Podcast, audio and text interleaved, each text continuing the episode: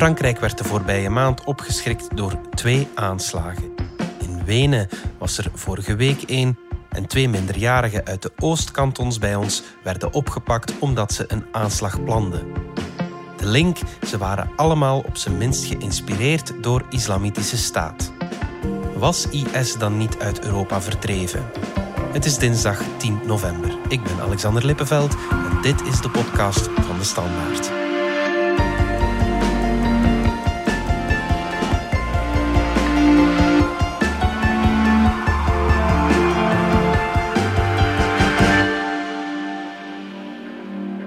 Nicolas van Hekken van onze binnenlandredactie. IS blijkt plots in onze Oostkantons te zitten. Wat is daar gebeurd vorige week? In het weekend van 1 november, van die zaterdag op die zondag, zijn er huiszoekingen geweest uh, op twee plaatsen in de Oostkantons. Eén in uh, Eupen, één in Kelmis. Uh, dat ligt nog wat dichter bij de Duitse grens. Ja. En bij die huiszoekingen zijn twee minderjarigen meegenomen. Een jongen van 16 en een jongen van 17. Mm -hmm. Op verdenking van terrorisme concreet luidende aanklachten poging tot terroristische moord en deelname aan de activiteiten van een terroristische organisatie. Ja. Dus dat zijn wel uh, ja, zware aantijgingen. Waarvan ze worden verdacht natuurlijk. Ja, ja. Weten we wat ze concreet wilden doen? Ja en nee. Um, het is heel moeilijk tegenwoordig, maar dat is ook al jaren eigenlijk het geval, om de vinger erop te leggen wat een terreurcel, uh, hoe klein of hoe groot ze is, precies van plan is voor ze te hebben gedaan. Mm -hmm. Veiligheidsdiensten proberen heel vaak zo snel mogelijk in te grijpen. Ja. Om uh, te voorkomen dat, het, dat er iets escaleert en dat er iets ontglipt natuurlijk. Ja. Uh, in dit geval concreet van die twee jongens is het zeer aannemelijk dat ze van plan waren om gewapend met messen en andere steekwapens politiemensen aan te vallen. Ja. 100% zeker is dat niet, maar er zijn wel aanwijzingen natuurlijk dat ze het zoiets van plan waren. Mm -hmm. Hoe zijn de veiligheidsdiensten hen op het spoor gekomen? Um, dat is niet helemaal duidelijk op dit moment. Er wordt weinig gecommuniceerd over het dossier. Uh, het is wel duidelijk dat het plots snel is gegaan. Vrijdag 30 oktober is het onderzoek opgestart bij het parket en uh, de dag erna zijn ze al binnengevallen. Okay. Dus opvallend snel. Dus dat doet vermoeden dat er informatie kwam van buitenaf. Ik heb vernomen dat dus een buitenlandse inlichtingendienst ook uh, een rol heeft gespeeld in deze zaak. Mm -hmm. We moeten twee woorden spreken, dat is niet helemaal zeker dat dat zo is gegaan. Maar het zou kunnen dat een buitenlandse inlichtingendienst onze staatsveiligheid heeft getipt en onze staatsveiligheid dan snel het parket heeft ingeschakeld en dat het zo uh, van start is gegaan, heel het onderzoek. Ja. Wat weten we over die, die twee ja, jongens? Zijn het eigenlijk nog 16 en 17 jaar? Ja, zeker. Die van 17 jaar rond in Eupen, daarover zijn amper details bekend. De 16-jarige is afkomstig van Kelmis. Omdat het dus minderjarigen zijn, wordt er heel weinig over het dossier gecommuniceerd. Zeker over het profiel van die, uh, van die jongeren. Mm -hmm. Nu, we hebben wel vernomen dat uh, die 16-jarige uit Kelmis uit de Tsjetsjeense gemeenschap komt. Er is blijkbaar een betrekkelijk grote Tsjetsjeense gemeenschap daar uh, in, die, in die omgeving. Er zijn wel blijkbaar problemen met ja, integratie en aansluiting bij de maatschappij. Ja. Hoe acuut is de terreurdreiging nog bij ons? De terreurdreiging, het terreurniveau staat op niveau 2, wat betekent dat uh, het risico op een aanslag niet helemaal is uitgesloten, maar het is weinig waarschijnlijk. En het is ook niet dat die aanslagen in Frankrijk en Oostenrijk daar iets aan veranderen. Het OCAT zegt altijd dat ze de dreiging constant opvolgen. Dus als het nodig is om uh, op te schakelen, dan, dan zal dat zeker gebeuren. Het is niet omdat er in het buitenland een uh, aanslag is dat de dreiging in ons land, want het ook gaat natuurlijk enkel over België, uh, meteen ook groter wordt. Nu we moeten we ons wel goed van bewust zijn dat uh, bij het ook had de aandacht dan nog wat extra groot wordt als het in het buitenland helaas tot een dodelijke aanslag komt. Mm -hmm. Maar op dit moment zijn er geen binnenlandse aanwijzingen om het dreigingsniveau te verhogen.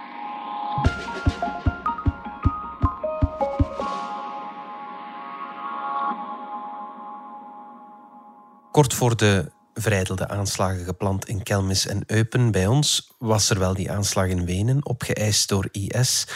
Jorn de Kok, onze Midden-Oosten-expert. Eerlijk gezegd, het was een tijdje geleden dat we nog van IS hadden gehoord. Wel, ja, die glorieperiode, om het maar zo te noemen, van IS, die ligt natuurlijk al even achter ons. Mm-hmm. Herinner je de jaren 2014 tot 2017, 2018, de aanslagen in Europa dan ook, ook in Brussel. Dat is de laatste tijd geminderd met uh, der ondergang van het kalifaat hè, in, in Syrië ja. en, en, Irak.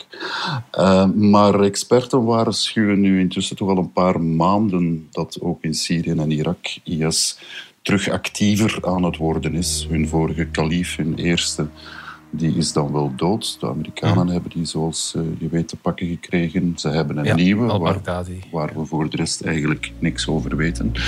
Maar dus het aantal aanslagen in Syrië en Irak is weer ziender ogen toegenomen in de laatste maanden. Of dat nu iets te maken heeft met wat we nu zien in Europa sinds 16 oktober, sinds de, de moord op de geschiedenisleraar in, in Frankrijk, mhm. dat, uh, dat weten we niet goed. Ja. Laten we even kijken naar uh, die aanslag in Wenen, de Oostenrijkse hoofdstad. Wat is daar juist gebeurd?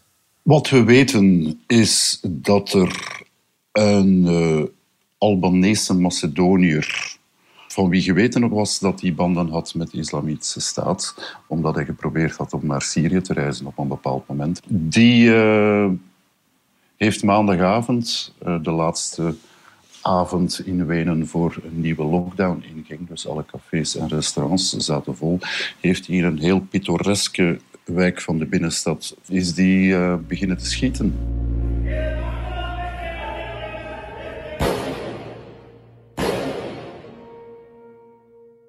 Heeft uh, vier mensen doodgeschoten, twee mannen, twee vrouwen. Is zelf doodgeschoten door de politie. Uh, en hij lijkt alleen te hebben gehandeld. Wat niet ja. wil zeggen dat er niet een netwerk rondom hem was dat hem heeft gestimuleerd. Of... Ja. Opvallend was dat, uh, je zei het al, dat de politie de man kende, omdat hij al had geprobeerd om naar Syrië te reizen. Stond hij dan niet op de radar? Dat vormt nu het onderwerp van een intern onderzoek. En voor zover eh, het nu bekend is, hebben de Oostenrijkse veiligheidsdiensten wat steek laten vallen. Want hij heeft ook geprobeerd op een bepaald moment om munitie te kopen in Slowakije. Dus blijkbaar stond hij niet genoeg op de radar en ondanks zijn veroordeling werd hij vervroegd vrijgelaten, ja, omdat hij nog minderjarig was.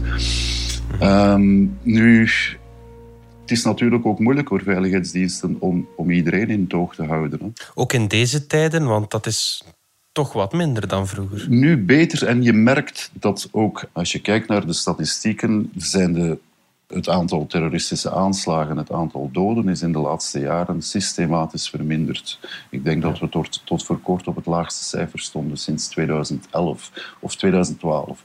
En dat wijst er ook op dat die veiligheidsdiensten, ja, die zijn natuurlijk ook mee opgegroeid met uh, wat, er in de, wat er vooral sinds 2015 allemaal gebeurd is. Hè. Dus ze functioneren beter ze beletten beter. Dat blijkt nu ook uh, in ons eigen land. Hè. De, de 16- en de 17-jarigen die uh, donderdag werden opgepakt in de Oostkantons, ja, die, uh, die zijn opgepakt door de veiligheidsdiensten voor ze iets vreselijks konden uithalen.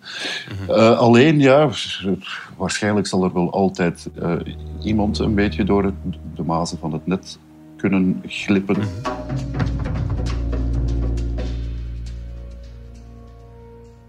Bondskanselier Sebastian Kurz van Oostenrijk noemde het al heel snel een islamistische aanslag. Es hat sich mittlerweile bestätigt, dass der gestrige Anschlag eindeutig ein islamistischer Terroranschlag war. Waarom heeft hij zo snel die conclusie getrokken? Was het al zo snel duidelijk? Dat was eigenlijk al duidelijk terwijl het nog bezig was. Er zijn mhm terwijl hij aan het schieten was, uh, waren er al video's. Hè. Eh, heel, heel, er is een heel bevreemdende video in een lege, typische Weense steeg, waar dus een buurtbewoner ja, die man zit te filmen terwijl hij om zich heen zit te kijken. Dan wegloopt, dan schiet. Hij leek een bomgordel te dragen. Dat bleek dan achteraf fake te zijn. Dus zo professioneel was hij nu ook weer niet. Ja, het was zo duidelijk terwijl het bezig was dat er, dat er een, een jihadistische achtergrond in zat en geen criminelen. Of, want Oostenrijk is niet direct een land dat we associëren met aanslagen en met de strijd tegen IS. Hè?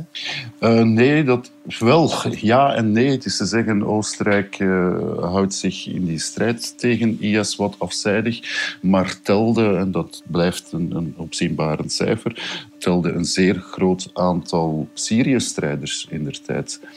Mhm. Voor de rest, ja, aanslagen niet zoveel. In Oostenrijk leek het er meer op van, ja, Oostenrijk is niet echt een doelwit. Mhm. Maar dat is nu natuurlijk veranderd.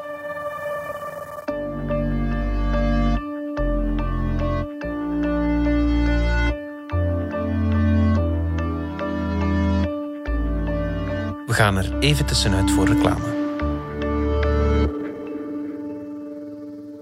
Alleen op traditie kan je niet teren. Het is heel belangrijk dat je blijft die toegevoegde waarde creëren voor de klant. En alles beweegt. Een podcast waarin Vlaamse CEO's en prominente HR-managers vertellen hoe ze hun onderneming en werknemers in beweging houden. Beluister de reeks op jouw favoriete podcast-app.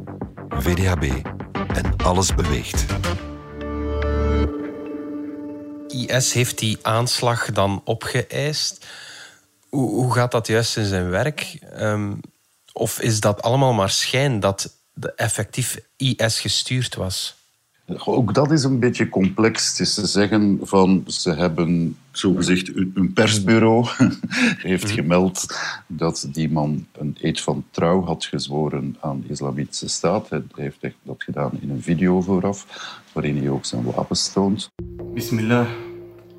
نبايع على الخليفة المسلمين أبو إبراهيم الهاشمي القريشي على السم والطاعة في المنشة والمكره nu, een lidmaatschap van de Islamitische Staat is niet zoals een lidmaatschap van een tennisclub.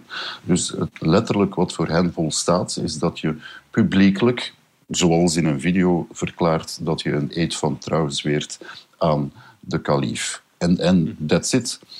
Dus dat is allemaal een beetje vloe. In de zin van, het is niet omdat, uh, omdat die jongen in een video zegt van ik zweer een eed van trouw aan, aan IS, voor IS volstaat het. Maar daarmee weet je niet eigenlijk van of dat hij contacten heeft met de structuren die er nog zijn. Dat, dat, is, dat is allemaal onduidelijk. Ja, hoe gaat het intussen met IS? Wel, die zitten heel... Uh, uh, laten we zeggen, in hun kerngebied, in uh, vooral Irak en dan ook Syrië, zitten ze ondergronds. Dus eigenlijk sinds de eerste kalif uh, al-Baghdadi zijn grote show heeft opgevoerd in Mosul in 2014, toen hij het kalifaat uitriep. Ja, de Amerikanen zijn dan al heel snel beginnen te bombarderen. Er is dan een internationale coalitie opgezet tegen IS, waarvan ook België deel uitmaakt. We hebben ook nu op dit moment vier F-16's die nog altijd uh, IS-doelwitten aan het bombarderen zijn. En, en dat, dat kalifaat is dan systematisch afgebrokkeld, zowel in Syrië als, als in Irak. Ja. Maar, maar, maar ze, er zijn er nog, hè, en ze opereren vanuit kleine dorpjes. Er zijn er uh, ongetwijfeld slapende cellen in, in Irak en Syrië. En in de voorbije maanden zie je het aantal ja, moordaanslagen, ex explosies toch weer toenemen. Niet, niks in vergelijking met 2014. Nu, er blijft ook tegen gevochten worden. Hè. Dus ze hebben het niet eenvoudig. Eh, de, de Koerden, de SDF in Syrië, nog altijd met de hulp van, van de Amerikanen. Uh, deze week hebben ze nog een paar grote bombardementen uitgevoerd. Uh, dus die strijd die gaat, uh, die gaat systematisch voort. Dat blijft een beetje onder de radar eigenlijk. Ja. Er zijn nu een aantal incidenten in Europa. Gebeurt het ook buiten Europa, in, in, in de rest van de wereld? Uh, zijn er daar ook aanslagen? Of elders in de wereld uh, zie je dat er franchises van IS eigenlijk lokale groepen die ook hun eed van trouw hebben gezworen aan IS. Uh, in Mali heeft uh, IS een, een, zeer grote voet aan de grond. Uh, deze week maandag, dezelfde dag als Oostenrijk, heeft IS in Kabul, Afghanistan, een universiteit aangevallen en, en, en 24 hmm. mensen vermoord. Dus dat maakt het ook moeilijk om hen te bestrijden, hè, omdat je hebt die lokale franchises in Afrika, in Azië, noem maar op. Daar spelen altijd lokale belangen en redenen mee, maar dus dat maakt het ook allemaal uh, een beetje complex. Mhm. Is er een verband te zien in Europa tussen de aanslag in Wenen en de recente aanslagen in Frankrijk en dan die opgepakte tieners bij ons? Ik denk dat je moeilijk kunt ontkennen dat er weer een golfje voorlopig uh, is begonnen. Er is met de Mohammed-cartoons, de Franse leraar, de reactie daarop, dan ook een, hele, een heel vies klimaat dat is geschapen onder meer door de Turkse president Erdogan, die dat zich plots uh, als de grote voorvechter van alle misnoegde uh, moslims wou beginnen te uiten. Er is een heel klimaat geschapen en volgens mij kan je dat niet los zien die ene aanslag naar de andere. Zo was het ook in 2015, 16. Je hebt een, een fenomeen van misschien ja, copycats, maar misschien is er ook wel iets anders aan de gang dat op, eh, op die online netwerken die we niet altijd kennen of kunnen volgen, dat daar wel degelijk ook een sfeertje uh, aan het broeien is van en nu moet je ervoor gaan. -hmm. President Erdogan werpt zich nu op als de verdediger van de islam en van alle moslims. İslam'la derdi nedir ya? Müslümanlarla derdi nedir? Wordt dat ook breed gedragen dat hij dat doet? Uh, nee, om de simpele reden dat Erdogan dat niet doet omdat hij plots zo'n goede moslim is geworden. Het is allemaal politiek. Hè? Dus ja. Erdogan is bezig met een, een, massale confrontatiepolitiek met iedereen die hij maar kan vinden.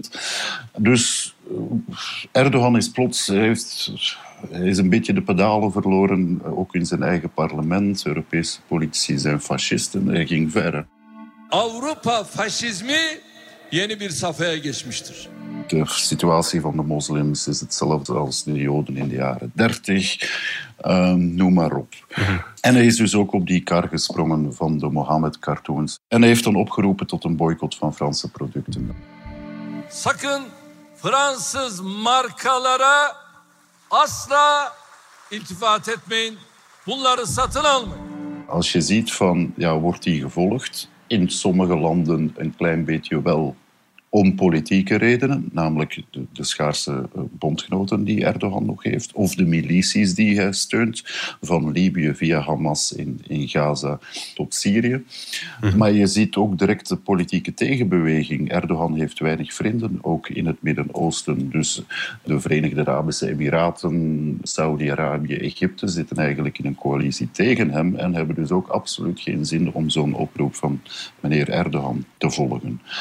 Wat mij mij vooral eigenlijk deze keer is opgevallen. Uh, vroeger was het altijd van ja, als een moslim een aanslag pleegt, dan moeten alle moslims ook bij ons zich daar toch voor verontschuldigen. Maar nu is, was er een veel actievere tegen, ik zal niet zeggen tegenbeweging. Maar je hebt ten eerste de imams in Frankrijk die zeer duidelijk de onthoofding van een geschiedenisleraar, de aanslagen in is zeer duidelijk hebben veroordeeld van dit is niet de islam. Wat ik ook heb gemerkt is heel veel Syrische vluchtelingen bij ons, Palestijnen, Libanezen, noem maar op, die heel erg er tegenin gingen van wat zijn die paljassen nu in godsnaam? Letterlijk, wat komen die nu weer hier de boel verzieken? Want voor hen is dit, dit is een strijd die zij voeren of voerden in het Midden-Oosten. Syrische vluchtelingen die aan het ergste zijn ontsnapt aan het regime Assad en aan de Islamitische Staat die nu in Parijs zitten, of all places, of bij ons, die zien dat ze die strijd nu ook hier moeten voeren. Dus zij zien dat heel erg als die extremisten. Die, eh, die hebben niks met ons te maken. Integendeel, dat is ook onze vijand. Zit corona ervoor iets tussen? Het is misschien een vreemde vraag, maar we zetten onze blik nu volop op die corona die aanslagen of die dreiging voor de aanslagen, dat gaat misschien helemaal naar de achtergrond. Wel, dat is. Dat vind ik zelf wel een heel interessante vraag. Als je erover begint na te denken, dan kan je bijvoorbeeld ook denken van ja, Misschien dat die jongens door de lockdown nu ook meer thuis zitten en minder naar de voetbalclub kunnen gaan. En, en dat daar misschien ook meer gestoken aan de gang is. Ik vermoed dat er over vijf jaar of zo wel eens een grondige doctoraat zal over worden geschreven. Maar op dit moment zie ik zo alleen losse flarden voor mij van de impact van corona op dit gegeven. Moeten we vrezen dat dit groter wordt en misschien even groot als in 2014? Ik denk dat, uh, dat, dat de alarmsignalen op dit moment wel duidelijk zijn. Wat mij ook intrigeert aan nu dat nieuwste voorlopige golfje, is het zijn allemaal extreem jonge gastjes. Ja. Dus 16, 17 in de Oostkantons, de anderen zijn dan 18, 20. Maar jongens met, om het maar zo te zeggen, heel weinig kilometers op de teller. Als je dat vergelijkt met 2015, 2016, daar zat ook al eens een 20-jarige of een 23-jarige bij. Maar zo de, de hardcore van de aanslagen, die waren toch 28, 29, 30. Die hadden een meer duidelijke link met, met IS centraal in Syrië. eh, wat nu allemaal niet zo duidelijk is. Dus wat daar aan het broeien is op die leeftijd, kan je toch ook vermoeden van ja, er is daar iemand aan het stoken. Want ik, ik weet het niet, maar het lijkt niet meer echt toeval dat ze allemaal zo jong zijn. Ja. Jorn de Kok, dankjewel. Tot de volgende dag. Dit was de podcast van De Standaard. Bedankt voor het luisteren. Wil je reageren? Dat kan via podcast.standaard.be. Alle credits vind je op standaard.be-podcast. Morgen zijn we er niet door wapenstilstand. Donderdag zijn we er opnieuw.